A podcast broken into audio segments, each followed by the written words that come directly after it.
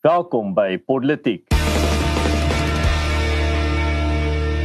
Ek is Paul Marits en soos wat jy kan sien was ons intro liedjie vandag betyds. Dit beteken Daniel Elof is saam met my in die ateljee as ook Erns van Sail. En in vandag se episode Cyril luister politiek. Nou ons het besluit ons gaan met hierdie naam gaan want president Ramaphosa het 'n paar dinge gedoen wat ons regtig verras het hierdie laaste paar dae. Uh hy het homself wel 'n uh, bietjie teruggekruip sy spoor deur ons weer op vlak 3 te sit, maar nou ja. Vandag kyk ons na Eskom, Suid-Afrikaanse Lugdiens en vlak 3. Nou ja, kom ons ontnoons in hierdie week se politiek en uh, gee hopelik vir oom Cyril 'n verdere lesie oor hoekom vlak 3 nie 'n wyse besluit was nie, maar meer daarvan later wanneer ons by ons derde onderwerp vir vandag se gesprek kom. Maar ons skop hierdie episode af. Soos jy kan sien, hier's lig. Ek kan uh, hierdie podsending aanbied. Hier's krag. Uh, ek weet nie of ons noodwendig al kan sê dankie aan Cyril nie, maar uh, dit is 'n lekker verandering om eintlik behoorlik vir die hele dag krag te kan hê. Nou ja, uh, laat ek so 'n bietjie uh begin by Eskom. Eh, en net net om agtergrond te gee natuurlik al drie van ons het in is nie geesteswetenskappe wat ons belangstellings in ons studies is. Ehm um, so erns natuurlik politiek filosofie en ekonomie studeer. Ek het teologie studeer, is nou besig met politiek filosofie en ekonomie en Daniel natuurlik politiek en regte. So ons het 'n redelike geesteswetenskappe agtergrond. Ehm um, maar ons gaan so 'n bietjie probeer om aan 'n tegniese tegniese kwessie so 'n bietjie te raak. So Eskom wanneer hy vol kapasiteit is, produseer 45 megawatt krag. Nou eh, as ek reg verstaan jy meet hier nie noodwendig in megawatt per uur wat om dit beteken dis die hoeveelheid kapasiteit, hoeveelheid watt wat hierdie stelsel kan genereer. Dit beteken al die kragstasies wat ons oor die land versprei het, baie van hulle in die ou Oos-Transvaal, Kuiberg en dis meer reg deur die land, as hulle almal funksioneer, kan ons so 45 1000 megawatt produseer. Nou, uh verlede week omdat daar daar was verlede week beerdkrag van 16000 van hierdie 45000 so omtrent 'n derde was uitgewees as gevolg van verskeie redes op verskillende plekke. Nou ja, uh voorheen was daar 'n beperking op 1 megawatt wat 'n uh wat 'n privaat maatskappy mag vir hulle self genereer uh voordat hulle permit nodig het van NERSA die nasionale energiereguleerder. Verlede week het president Cyril Ramaphosa aangekondig dat 'n uh, dat enige privaat genereerder nou 'n 100 megawatt uh mag genereer. So dis omtrent 0,2% of 'n 500ste van ons nasionale kapasiteit. Uh dis natuurlik nog steeds min, maar dis is 'n tree in die regte rigting. Wat vir my interessant was en ek sal eintlik julle mening hieroor wil hoor, want dit wat Ramaphosa gedoen het, gaan baie sterk inteen wat ons by politiek sê. Ons sê ja, goed, hy's 'n besigheidsman en dis meer, maar hy's nog steeds 'n ANC politikus.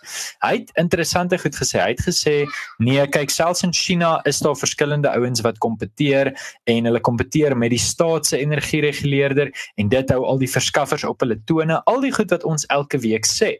En ons sê dit want ons glo dit, ons glo die vrye mark werk maar van hom om dit te sê was my 'n bietjie vreemd. Hy het weer goed gesê soos Eskom is te groot om te misluk en al die tipiese goed wat hy sou sê, maar hy het baie pertinent uitgekom en gesê hy wil eintlik hê daar moet kompetisie wees. In sy woorde, jy sal aan jou buurman krag kan verkoop en jy sal krag terug kan gee aan die stelsel. Tipies wat jy in Ierland of in Duitsland sien, lande wat baie baie hoë vlakke van uh van sekuriteit in terme van elektrisiteit. Nou goed, dis 'n bietjie iets van 'n inleiding vir jou as politiek luisteraar. Ek sê weer eens, ek het teologie gestudeer. Ek het laas elektrisiteit gedoen in my eindeksamen vraestel in matriek uh vir fisika, maar ek dink ja, elektrisiteit was nie fisika vraestel nie. Um maar maar in elk geval wat wat my betref is hierdie 'n tree in die regte rigting. Dis die regering wat openlik erken hulle kan nie aan almal se krag ehm um, aan kragbehoeftes voldoen nie en as hulle wil hierdie ekonomie moet vooruitgaan, sal hulle 'n bietjie van die teels moet laat gaan. Hoe lees julle dit?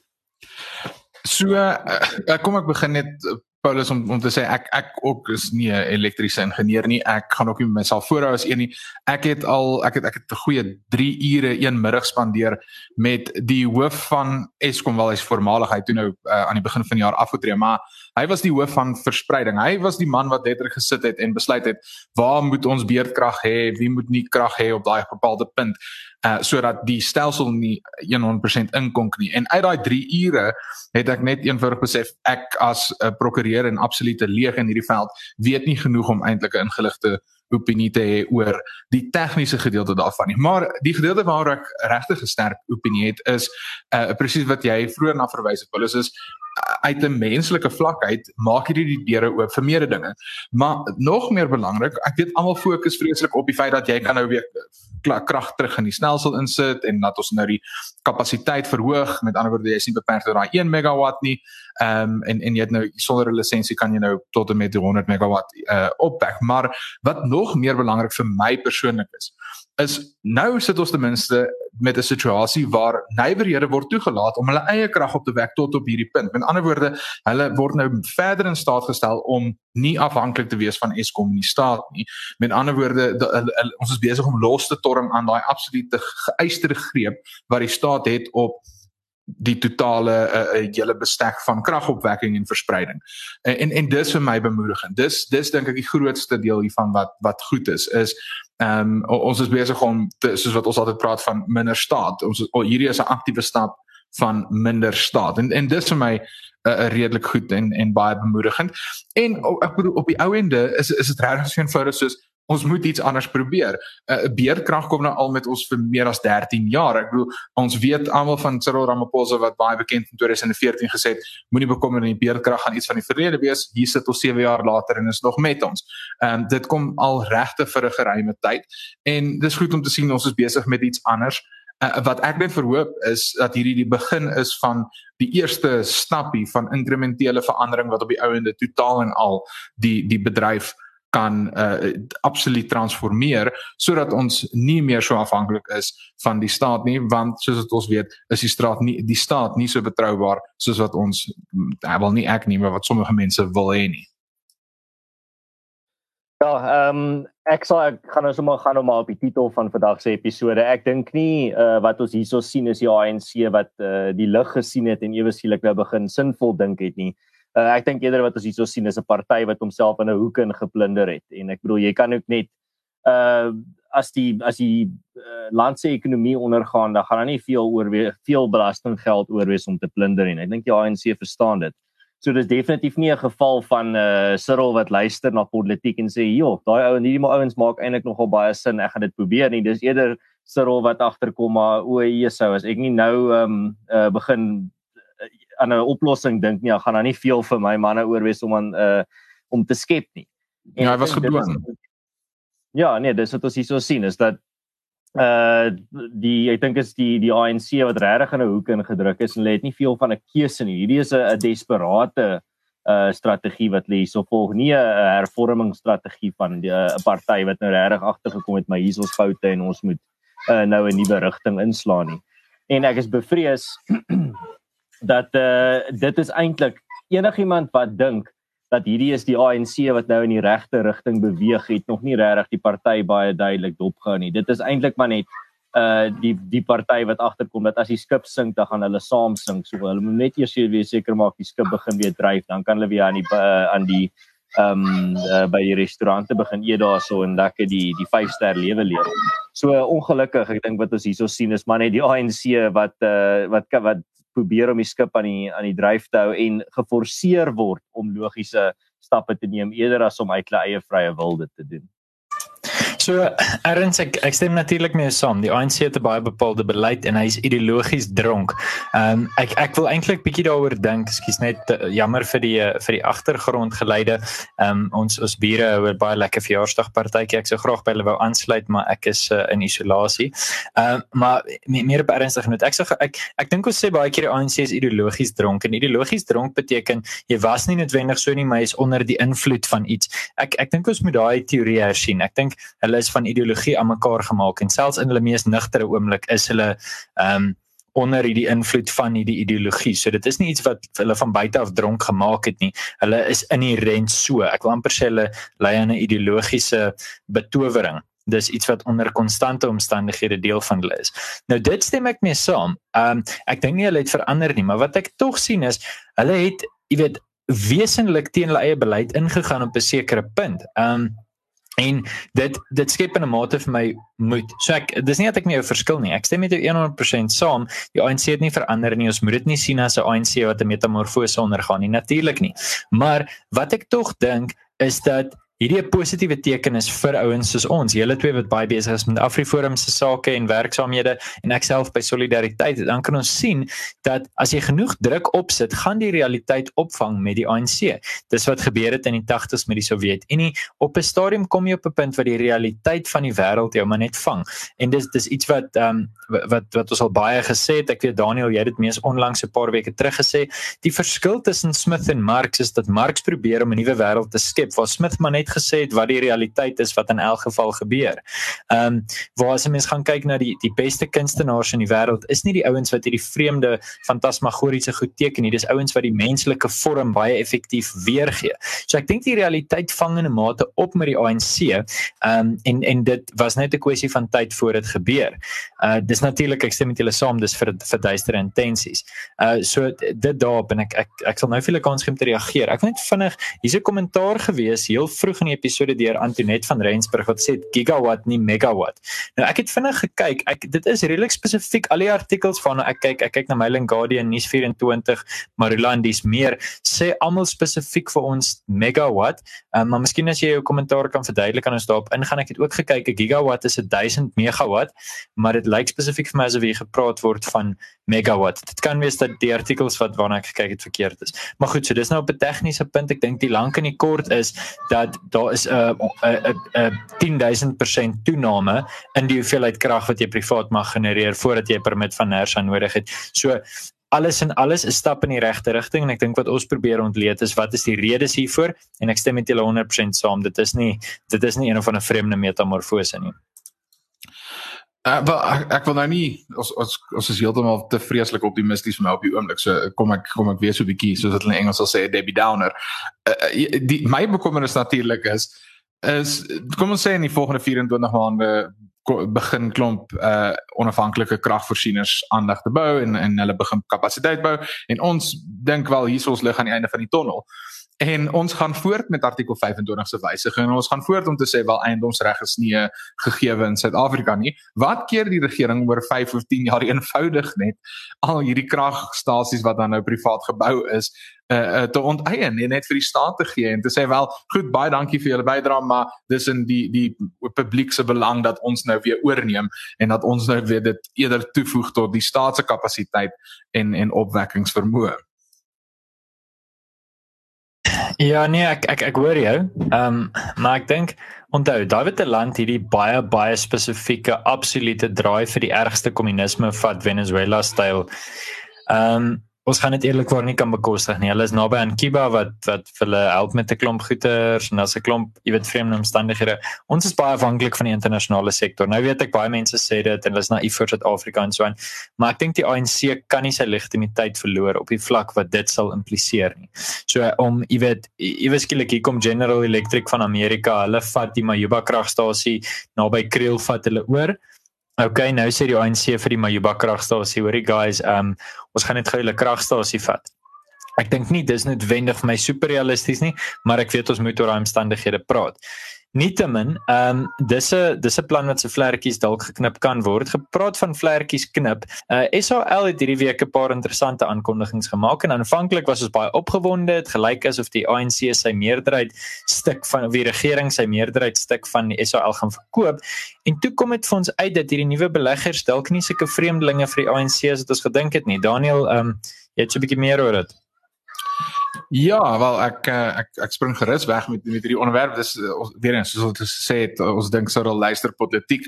Ehm um, maar weer eens ek ek wil nie nou eh, die die silwer randjie aan die donker wolk noodwendig net uh verdof nie, maar ek ek sal maar ook wag en sien uh wanneer ek wanneer dit nou kom by by SA maar daar vir die luisteraars wat nie altyd nuus lees nie want dit is vreeslik mistroostig so ek blameer jou glad nie.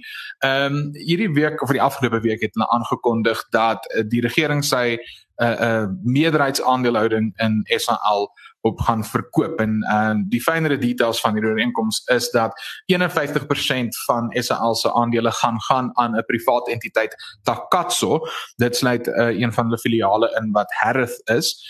Ehm um, wat wat nog steeds belangrik is om te onthou is die Suid-Afrikaanse fiskus, die regering is nog steeds verantwoordelik om 3.5 miljard rand ehm uh, te betaal om die skuld van SAL oor die afgelope paar jaar te dek.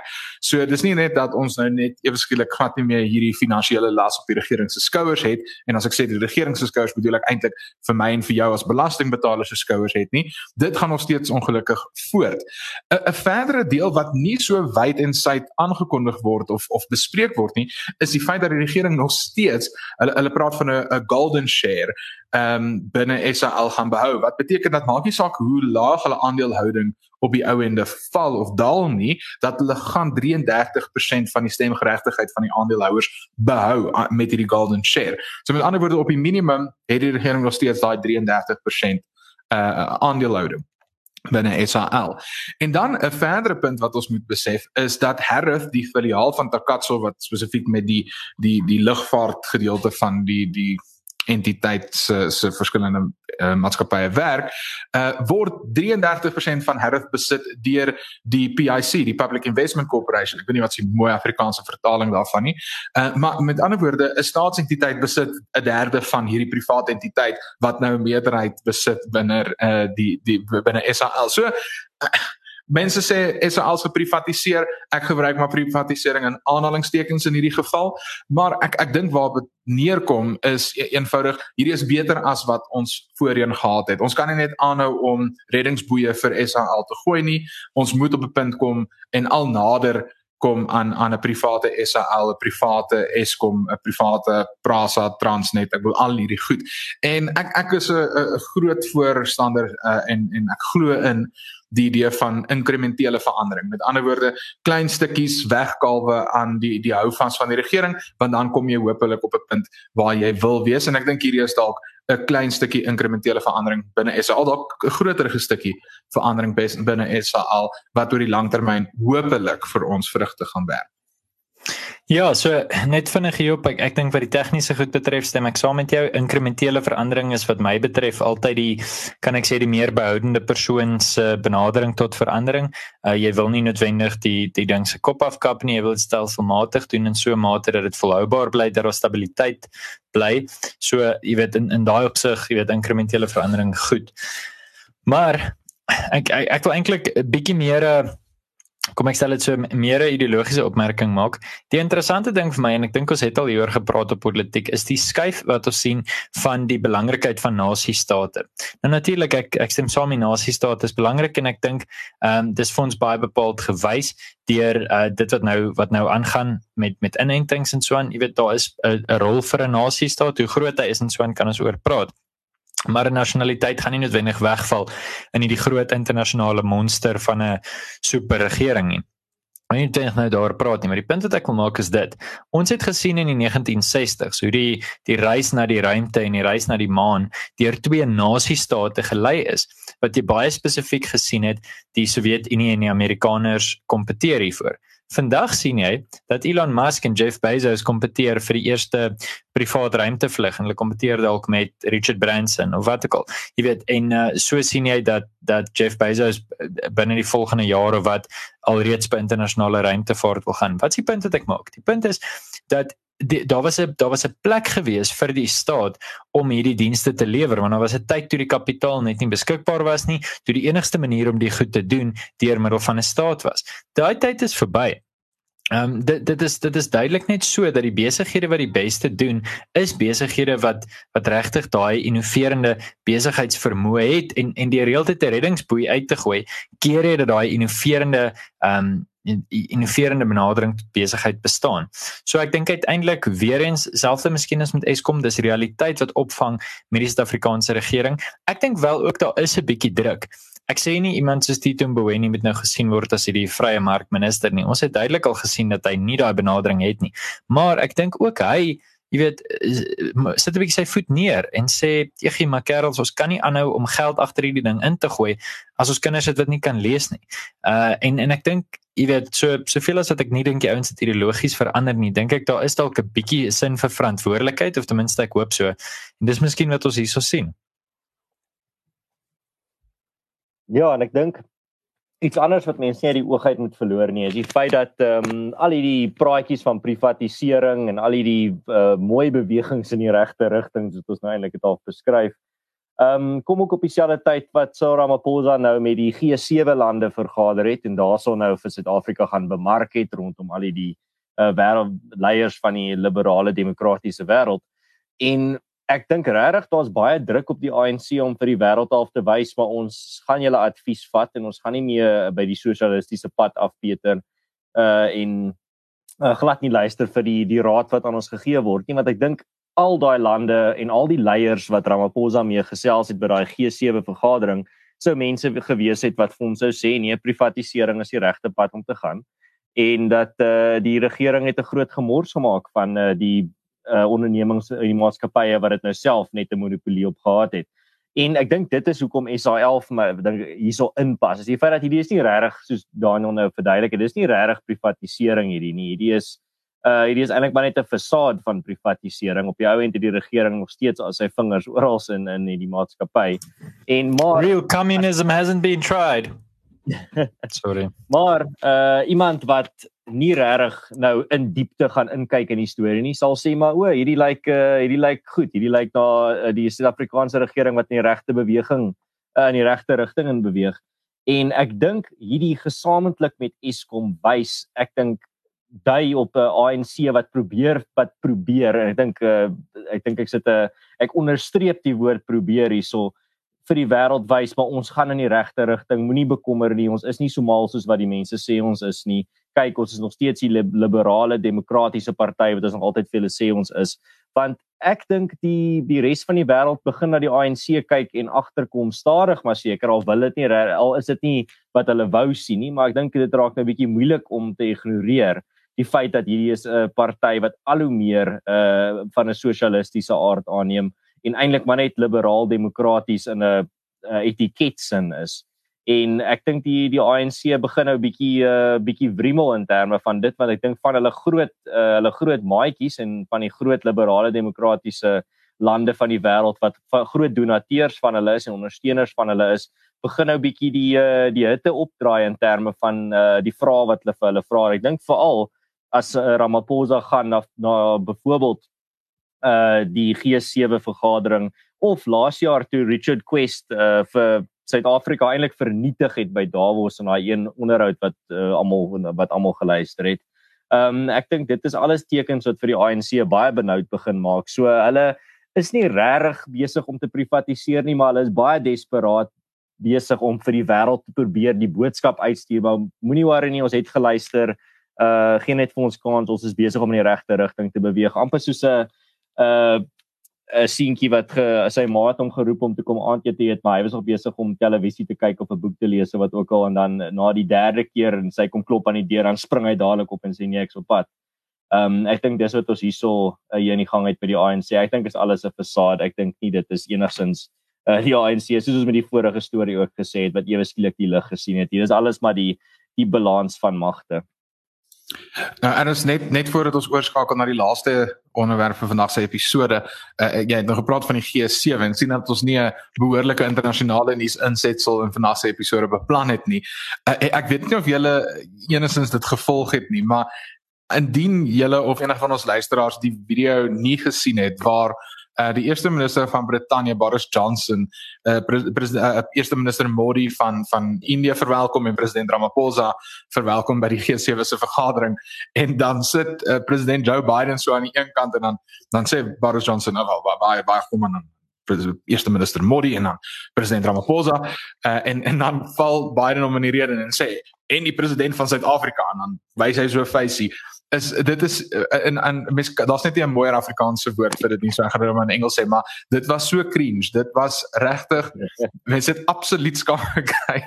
Dit was so 'n vernederende en so absolute skreeu snaakse oomblik uh, tydens daai vergadering gewees. Maar nou ja, uh voordat ons uh, kom kom ons gaan sommer oor uh dan natuurlik na die laaste laaste onderwerp vir vandag se gesprek. En dit is natuurlik die aankondiging van letterlik net gisteraand dat ons nou weer terug is na vlak 3 van inperking sien dat ons nou 15 maande later sit. Ons het 15 maande gehad om COVID-19 se kurwe plat te maak en toe het ons eerder die laaste 15 maande gebruik om ekonomiese groei behoorlik plat te maak Ja wat, eh uh, Daniel so ek dink nie vlak 3 is enigiets dit die eerste keer toe ons in vlak 3 in beweeg het, toe was dit nou 'n groot storie, maar nou vir Suid-Afrikaners. Ek het vandag met iemand persoonlik daaroor gepraat en gesê ek dink daar is so min Suid-Afrikaners oor wat hierdie regulasies eintlik ernstig opneem dat uh, ek dink die ANC gaan later begin sukkel, nie omdat die mense georganiseer in opstand teen dit gaan kom nie, net weens die die natuurlike beweging van mense wat net nie meer omgee nie en regtig nie meer die en begin sien maar die ANC het geen manier om hierdie uh hierdie vlakke regtig toe te pas of te um vir hulle te forceer om dit te volg nie. En ek dink net uh mense gaan nie gehoorsaam nie. Kom ek kom ek lys vir julle van die goed wat vlak 3 behels van die regulasies wat ek dink mense in elk geval nie gaan gehoorsaam nie. Nommer 1 die aandklokreël word ingestel van 10:00 die aand tot 4:00 in die oggend nie noodsaaklike instansies soos restaurante, kroë, gimnasiums ensovoorts moet reeds om 9uur sluit om te, om te verseker dat personeel en klante voor die aandklok reël tuis is. Godsdienstige, sosiale, politieke en kulturele byeenkomste word weer beperk tot 50 mense binnenshuis en 100 mense in die buitelug. Kleiner lokale wat nie die hoeveelheid kan akkommodeer nie, mag nie meer as 50% van hul kapasiteit oorskry nie. Begrafnisse word beperk tot 5 uh, 50 roubeklaars alkoholverkope word vir uh vir verbruik weg van die perseel word beperk van 10:00 in die oggend tot 6:00 in die middag, maandag tot donderdag. Alkoholverkope vir verbruik op die perseel word toegelaat volgens die gelisensieerde voorwaardes tot 9:00. Die verbruik van alkohol in openbare ruimtes word verbied en die dra van maskers in die, in die openbaar is steeds verpligtend. So dit is nie enigiets nuut hierso nie, hier's niks wat uh, ons nie al van tevore gesien het nie en hier is nie een regulasie hierso wat Suid-Afrikaners nie al in massa oortree het nie. Uh ek ek wil graag uh op die donker wolkie fokus vir 'n rukkie. So uh in 'n tipiese politiek styl miskien. Ek meen nie om swartgallig te wees nie vir jou as politiek luisteraar, maar ons het die volste reg om regtig ontstel te wees. Ehm um, jy weet as mens radioprogramme luister as jy berigte lees dan sien jy dat meeste lande in ons land se inkomste vlak het verlede jaar April, Mei, Junie jaar terug begin om hulle naam op die lys te sit vir vaksines. As die bron wat ek lees reg is, het ons 5 Januarie ons naam op die lys gesit. Ehm um, en ons het dit al baie politiek gesê, jy weet ons het geglo ons gaan ons eie vaksines ontwikkel. Ons het allerlei foute gemaak en ons het vaksines laat sleg word. Ons kan oor al daai goed praat. Maar ons het die volste reg om kwaad te wees vir die regering. Want hierdie vlak ehm um, hierdie vlak van 'n van 'n derde golf en hierdie vlak van sterftes wat ons nou weer gaan sien, uh jy weet dit moet ten minste ten dele toegeskryf word aan werklike slegte beplanning en natuurlik aan 'n klomp geld wat gesteel is. Ons weet nou maar spesifiek van die 430 miljoen om skole in Gauteng uh skoon te maak terwyl 'n korresponderende hoeveelheid skole in die Wes-Kaap 2 miljoen gekos het. Ons weet uh dat daar 150 miljoen in die Digital Vibes kontrak is, maar die verslag sê vir ons dat hier korrupsie is op 'n skaal uh wat wat wat ons nog nie gesien het nie. So ek dink ons het regtig die volste reg om ontstel te wees in terme van om vlak 3 te onderhou dink ek ons moet onderskei tussen die virus en die manier waarop uh die jy weet die regulasies toegepas word. Die virus is dodelik. Uh, ons almal ken mense wat wat dood is van die virus, mense wat gesond is. Uh jy weet so ek ek gaan dit ernstig vat. Ek moet nou isoleer en dit is nie vir my lekker nie, maar ek doen dit. Ehm um, ons gaan in elk geval nie kan drank koop in sekere tye nie, ons gaan nie kan beweeg nie. En in 'n mate dink ek ehm um, dit help nie dat ons blasé is nie. Dit help nie dat ons maak as nie 'n virus is nie. Mens kan ontstel wees met die regering en jy kan sê hulle het nie hulle werk gedoen nie en hulle het ons teleurgestel. Hulle vat elke maand sonder dat ons toestemming gee 'n groot hoeveelheid van ons geld, 'n groot hoeveelheid van ons inkomste. Jy weet, kom ons sê een maand se salaris elke jaar ten minste, uh, vir baie mense is dit meer, gaan vir die ouens. En en wat het ons teruggekry vir dit? Niks en ons kan ontstel wees daaroor. Maar Terselfdertyd wil ek sê ek is een van die ouens wat hierdie regulasies redelik ernstig gaan vat want ek is gesond en nou dra ek die virus oor aan iemand anders en hulle hulle sterf. Jy weet ek wil nie met dit saamleef nie. So dit is daar's daar's fyn komplikasies en fyn nuances in hierdie ding. Ehm um, wat vlak 3 betref dink ek jy weet weer eens hoe effektief gaan dit wees? Baie ouens sê dis te laat. Ek stem saam is te laat. Ek dink nie is die mees effektiewe manier om die ding aan te spreek nie. Ehm um, maar dat die virus ernstig gevat moet word, ek dink daaroor raak dit raak vir my by die dag eintlik meer duidelik dat hierdie ding is nie om te speel nie. Ek bedoel vir my kom hierdie hele ding maar net neer ons sit ons sit 15 maande later en die regering het nog steeds nie 'n behoorlike en stofplan nie. Ons uh, Cyril het terwyl sy toespraak gisteraand gesê ja wel hulle hulle mik om 150 000 mense per dag in te end. Ehm um, en en hulle hoop om dit na 200 te maak en hy persoonlik, ek weet nie hoekom het hy dit gesê nie, maar hy sê toe maar ek ek wil eintlik hê dit moet 300 000 wees. Die probleem is met 150 000 wat die doelwit van die regering is, gaan hulle nie 'n groot genoeg gedeelte van die bevolking binne 12 maande tydperk kan inent dat ons ehm um, immuniteit het nie. Hulle hulle hulle gaan want een hulle kom nie daarby uit nie. Ons ons sit op baie laer vlak. Ehm um, so ons ja, die punt is dis dis 'n moeilikheid. Nou dit dit die eerste ding en die tweede ding is omdat daar so gesloer is met die enstofplan in elk geval, ehm um, is niemand seker presies wat dit behels nie. En en daar's ander gevare met die hele enstofplan. Nou ek ek ek weet baie mense op sosiale media raak bietjie vies met my. Hulle sê maar hoekom beklei hulle so dat dat mense ingeënt word? En vir my gaan dit op die ou en eenvoudig as jy wil dan behoort jy te kan en as jy nie wil nie behoort jy te kan weier. Dit is regtig so eenvoudig soos dit. Dis dis waar die vraag neerkom. Ehm um, jy behoort 'n ingeligte besluit te kan neem oor of jy die enstof wil neem of nie, maar ten minste moet dit beskikbaar wees. En ons sit op 'n punt waar dis nie beskikbaar nie. Die regering verbied privaat aanskaffing van enstowwe, want die regering probeer elke liewe freaking ding in die wêreld en in Suid-Afrika beheer en en want as hulle nie kan nie, dan kan hulle op die ouene nie enigsins geld uitmaak nie. Die enigste rede hoekom die regering hierdie doen, is hulle wil hulle self posisioneer as middelman sodat die private entiteite by hulle kan aanskaf sodat hulle 'n paar sent en sy aansienlik meer as 'n paar sent maar ietsie uit die hele 'n uh, transaksie op die ouene kan maak. Dis alhoekom die ANC dit doen. Al hierdie goed wat hulle sê van dit gaan oor 'n uh, uh, gelykheid en regverdigheid om hulle praat van vaccine apartheid. Dis net pragtige mooi woorde en skuilname wat hulle gebruik om te sê uh, om om hulle korrupsie op die ouende weg te steek. En dis dis waar dit neerkom. Die feit dat ons nou weer in vlak 3 is, is my eenvoudig net 'n aanduiding dat die regering het nie 'n klou wat hulle doen nie. Hulle weet nie hoe om die pandemie te hanteer nie. Uh, ons sit 15 maande later en ons het nie ons hospitaalkapasiteit enigsins vergroot om enige golf van COVID-19 te kan hanteer nie en dit is op die ouene waarop dit neerkom.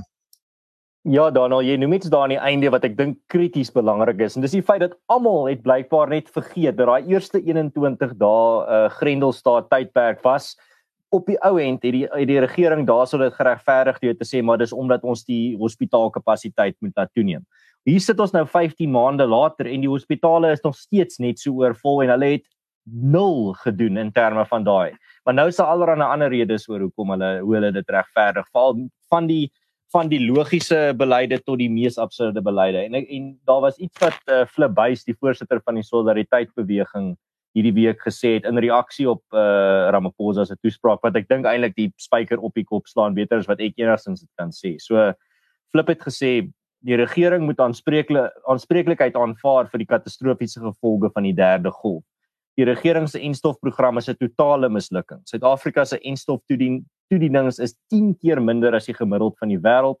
In al in al hierdie tyd is geen nuwe kapasiteit geskep nie.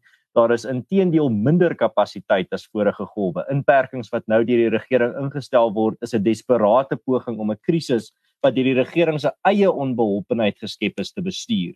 Dit was uh dit was geen familievergadering wat 'n pa van 'n pa wat omgee nie.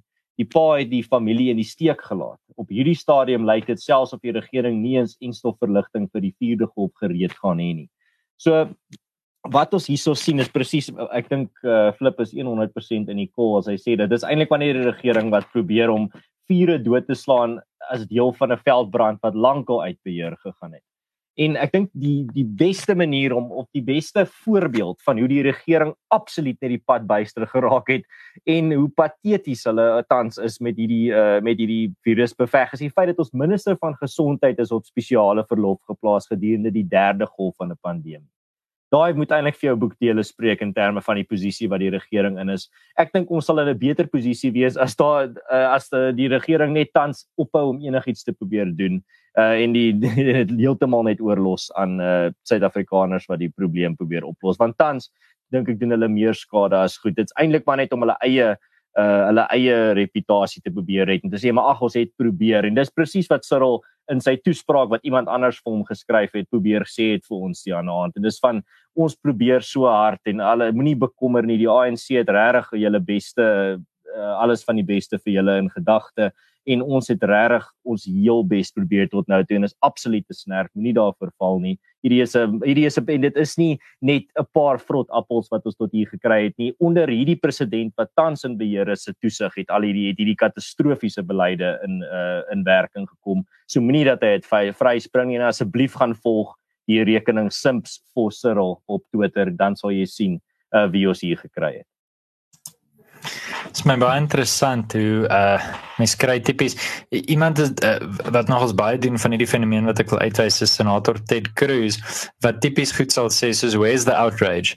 Jy weet, um dis so maklik vir duisende mense om by die hof te staan as uh president Zuma hofsaak het. Jy weet ten gunste van hom en dan is daar hierdie baniere of hoeveel duisende EFF lede wat uh weet opdaag in Senekal en dan is hulle nou kwaad. Jy weet, maar jou jou minister van gesondheid het nou net 150 miljoen rand gesteel. Where's the outrage? Waar is die optog in hulle toeliehuis? Waar is die mense wat sê ons gaan nie hierdie vat nie? Ehm um, jy weet en en en ek dink jy weet goed Herman het dit al 'n paar keer verduidelik dat mense het het belangstelling verloor in die demokrasie as jy kyk na weet hulle het nie belangstelling vir die demokrasie nie maar bedoelende hulle voel demokrasie gaan hulle hulle lewe verander nie. Ehm um, En ek dink mense kan dieselfde nou sien, jy weet, ehm um, as daardie tipe sterftes op die suid suidelike grens van die FSA was onder president Trump, dan staan nuwe rekeninge geskep en ons ondersoeke en almal is kwaad. Nou is dit net ag, wat ek al. So ongelukkig uh is dit duidelik die ouens van die media regeer regeer ongelukkig so 'n bietjie die, die opinie. Is my interessant. Ons het politiek begin meer as 3 jaar terug um, met hierdie idee om te sê, maar kom ons kry net 'n bietjie alternatiewe stem daar buite. Ehm um, jy weet kom ons kom ons laat net bietjie die die stem van die stil massa hoor want daar's soveel mense wat nie saamstem nie meer nie. Maar dit kom ongelukkig nog steeds my voor as daai oorhoofse massa media regtig nog steeds 'n groot rol speel. Nou ja, ons sal natuurlik uh vir ewig hieroor kan praat, maar uh, dis miskien tyd om om so klein bietjie aan te beweeg en uh vir jou as luisteraar ietsie te gee van jou van jou jeugdag as jy die die jeugdag dan sodanig vier. So as jy drank koop op 'n Vrydag, is hierdie episode vir eers verby. As jy oor wat ons doen, klik op die subscribe knoppie en klik ook op die klokkie sodat jy weet wanneer ons aanlyn gaan. En ons nooi jou as luisteraar uit homself te nonsens. Jy kan die gesprek voortsit op watter ook al platform jy is. Jy kan ons met ons kontak maak op ons Telegram kanaal en uh, ons sal graag jou besigheid ook op politiek wil bemark. So ehm um, maak gerus kontak met 'n baie spesifieke teikenmark en ons bereik natuurlik weekliks al meer mense soos wat die politiek familie verbreed. Nie is ook welkom om vir ons 'n resensie te los met jou klagtes en gedagtes. Tot volgende keer.